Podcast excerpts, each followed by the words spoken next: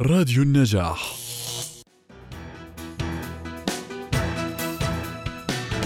مع اختلاف الطقوس وتبدلها تكثر البكتيريا المسببة للأمراض المختلفة منها الإنفلونزا، نزلات البرد، ومعظم حالات التهاب الحلق، التهاب الأذن وغيرها، وبسبب ذلك يلجأ الكثير لاستخدام المضادات الحيوية أي الأدوية التي تستخدم بهدف تقليل العدوى.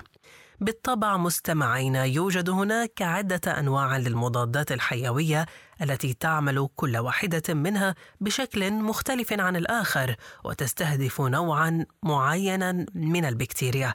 ولذلك يقوم الطبيب بوصف المضاد الحيوي الأنسب لكل شخص بناء على نوع إصابته. أما عن المنافع التي تحملها المضادات الحيوية تحدثنا عنها. دكتور روان عبد السلام.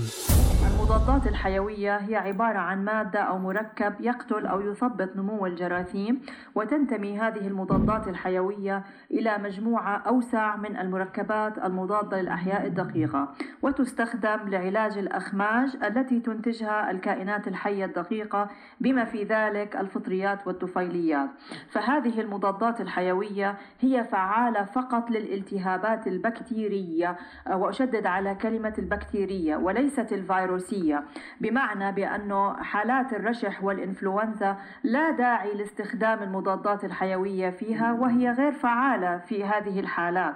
هي فعالة في التح... في حال الالتهابات البكتيرية وهناك يعني عدد كبير من الالتهابات التهابات جلدية التهابات الأسنان آه، التهابات بالحلق والتهابات اللوزتين وغيرها. من الالتهابات التي ممكن أن تحصل عند الشخص. كما أن للمضادات الحيوية منافع فبالتأكيد لها مضار. فما هي هذه المضار؟ تحدثنا عنها الدكتور روان. طبعا المضادات الحيوية آه، كغيرها من الأدوية. لها آثار جانبية في حال إساءة استخدامها وفرط استخدامها في حالات لا تستدعي استخدامها من غير داعي لذلك.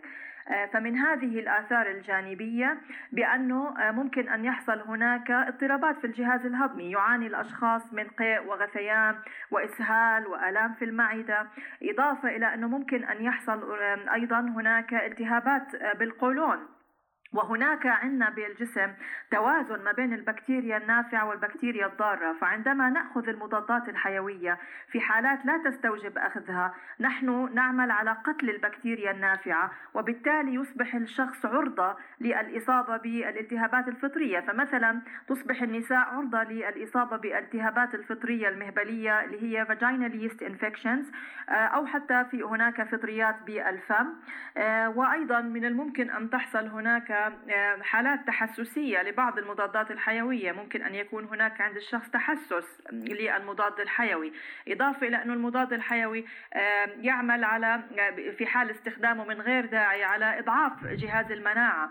فلذلك أشدد وأنوه على ضرورة استشارة الصيدلاني والطبيب وعمل الفحوصات اللازمة للتأكد من المسبب الموجود للعدوى عند الشخص هل هو بكتيري أو فيروسي؟ وبناء على ذلك يتم تقرير إعطاء المضاد الحيوي المناسب بالجرعة المناسبة وللفترة المناسبة. ويجب على المريض التقيد بالجرعة والفترة وأن وأن يكمل كامل الكورس العلاجي آه، للقضاء على الالتهاب البكتيري الموجود عنده. ومن الآثار الجانبية الخطيرة للمضادات الحيوية في حال استخدامها من غير داعي ومن غير استشارة مشكلة مقاومة المضادات الحيوية بحيث أنه يصبح لدى البكتيريا مقاومة لعمل المضادات الحيوية وهي مشكلة خطيرة جدا وهذا ما تحذر منه دائما منظمة الصحة العالمية.